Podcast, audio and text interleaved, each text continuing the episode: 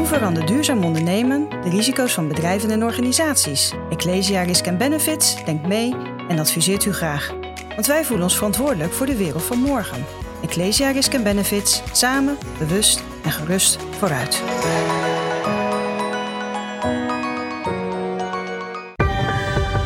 Ecosofie wordt mede mogelijk gemaakt door Renewy. Renewy. Minder nieuw, meer renew. Want afval bestaat niet.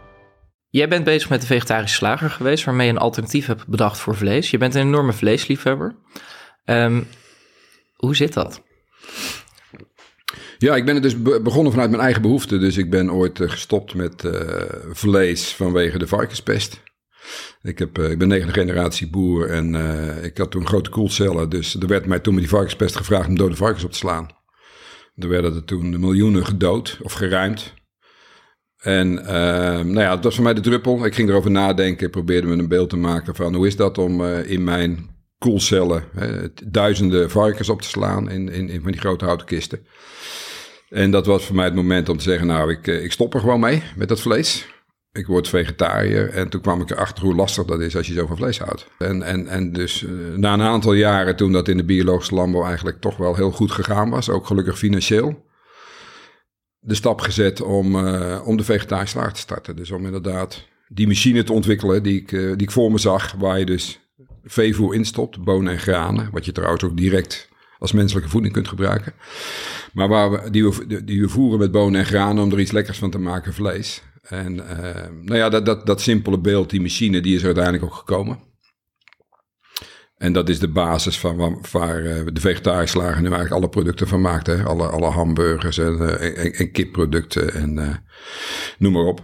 Um, eerst ben ik toch ook nog wel even benieuwd naar, ja, want we hebben die ethische kant, um, ontzettend belangrijk. Toch zullen er misschien ook mensen zijn die wat minder zwaar wegen aan die ethische kant, want er komt ook dat hele duurzaamheidsverhaal in beeld. Um, want het is natuurlijk ook zo dat, je hebt altijd van die sommetjes, hè, uh, jij zal die getallen beter weten dan ik, maar dat ongeveer 80% van de landbouwgrond gebruikt wordt om dieren te voeden. Hoe zit dat precies? Ja, hè, dus 80% van het landbouwareaal wereldwijd wordt gebruikt voor de veehouderij.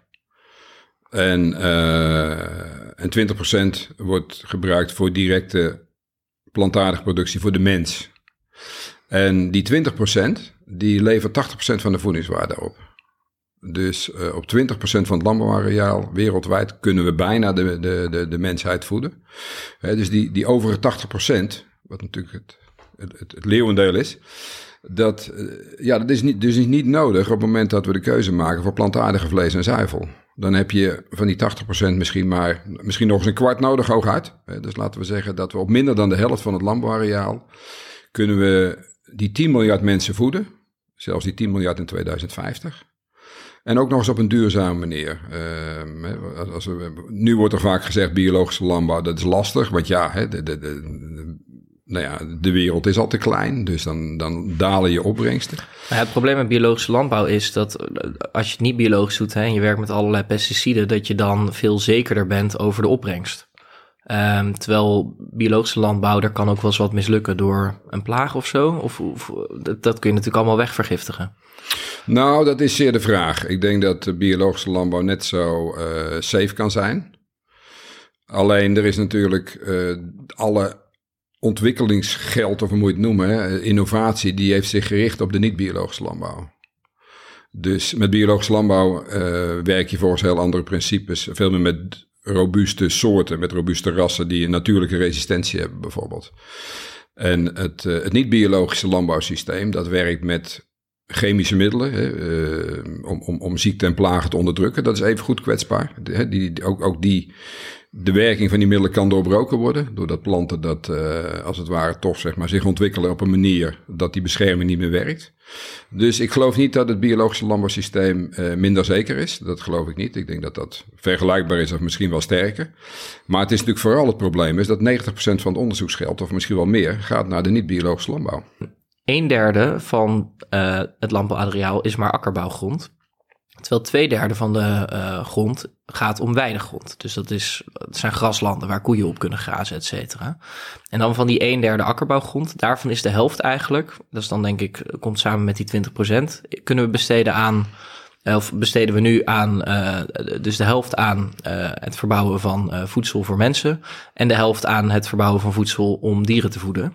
Ja. Um, dus daar kun je in, in snijden. Maar is het dan wel een eerlijk sommetje? Want die weidegrond, ja, kunnen we daar wel zoveel andere dingen mee? Ja, dat is inderdaad heel grappig dat je dat vraagt. En dat want, is vanuit menselijk perspectief logisch, dat, dat grond altijd ja, want even uh, een functie moet hebben. Hè?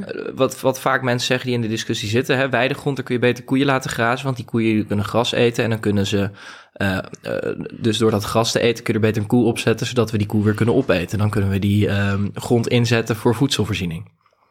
Ja, nee, maar dat is heel erg gedacht vanuit het, het idee dat grond dus beheerd moet worden door de mens, terwijl er natuurlijk een enorme wens is nu om juist meer natuur uh, oftewel onbeheerde grond uh, te hebben in de wereld. Hè. Dat is het grote thema nu, de, de, de kap van regenwoud, waarbij we dus natuur opofferen voor landbouw. Op het moment dat we kiezen voor plantaardige vlees en zuivel, kunnen we een omgekeerde beweging krijgen en kunnen we enorme gebieden teruggeven aan de natuur. Dus die, die weidegronden waar, hè, waar jij het over hebt, die eigenlijk niet geschikt zijn uh, voor akkerbouw, ja, die kun je gewoon weer onbeheerd laten en teruggeven aan de natuur.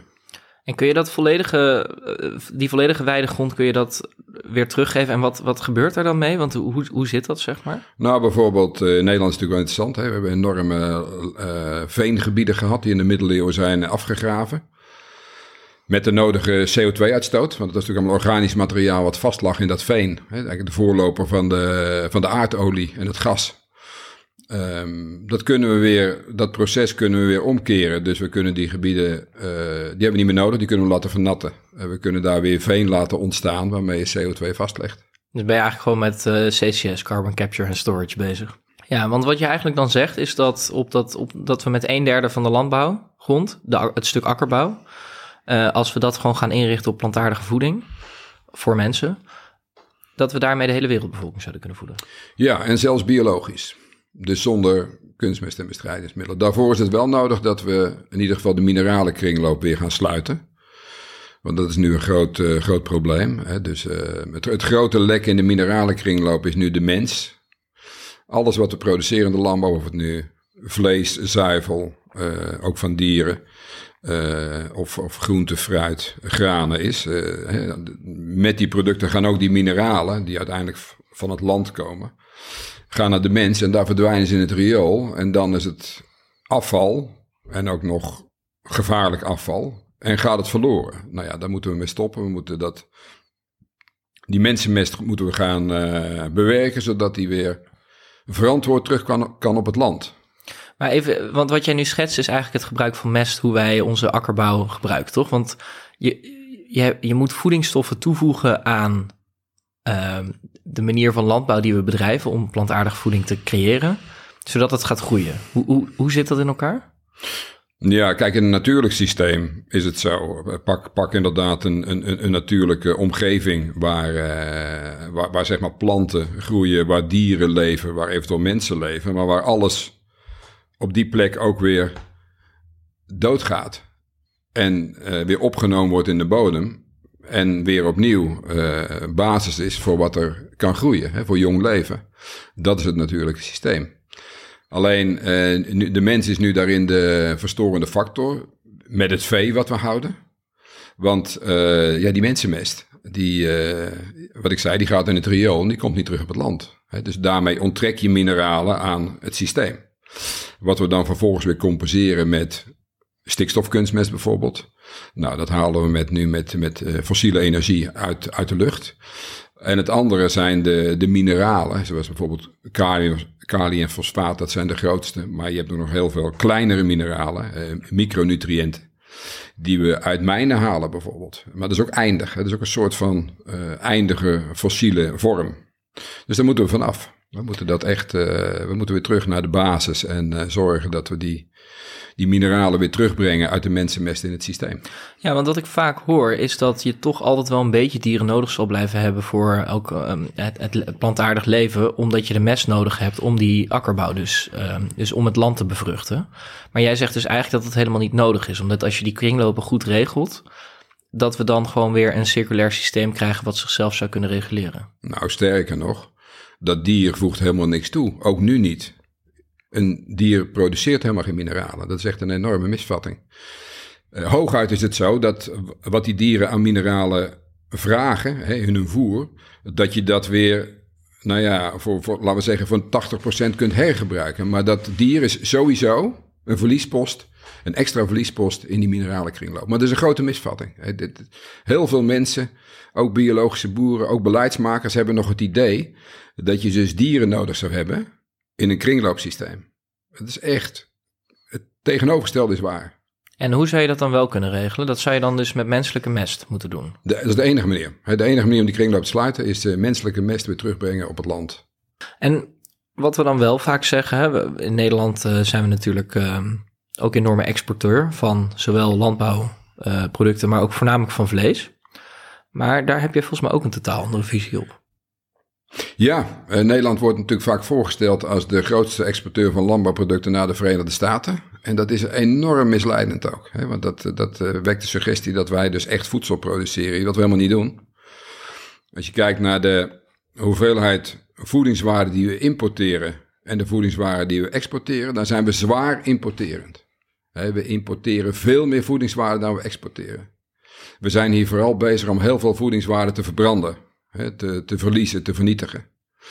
Met het voeren van, uh, van onze kip en varkens. waarbij we gebieden vele malen groter dan we in Nederland gebruiken. Uh, buiten Nederland gebruiken, vaak ver weg, Zuid-Amerika. Uh, om hier de kip en de varkens te voeren. Ja, want uiteindelijk, dat is de, de vraag waar we naartoe wilden. Hoe kun je is, 10 miljard monden voeden? Ja, hè, dus die 10 miljard monden die kunnen we voeden op minder dan de helft van het huidige landbouwareaal.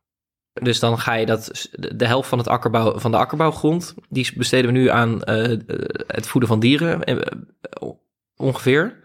Dat stuk rekken we dan op en dan hebben we dus ook nog andere uh, manieren door innovatie, waardoor we um, eigenlijk die grond helemaal niet nodig hebben. Nee, precies. Ik denk dat we op het huidige akkerbouwareaal, dus ongeveer een derde, dat we het daarop zouden kunnen redden. En zeker Voor 10 miljard mensen. Ja, en zeker ook wanneer we natuurlijk die biologische landbouw, wanneer we daar eens op gaan focussen, dan kunnen we ook nog dat voor een belangrijk deel biologisch gaan doen. Of misschien wel helemaal. dat we daar ook echt eh, in gaan investeren in innovatie. Want dat is, ja, daar is nog een enorme winst te boeken. Schone lucht, gelijke kansen, een circulaire economie. Dat is allemaal niet links of rechts. Een mooie toekomst, daar moeten we samen aan werken. Teken daarom ook voor een duurzaam regeerakkoord. Ga naar duurzaamregeerakkoord.nl en teken het manifest.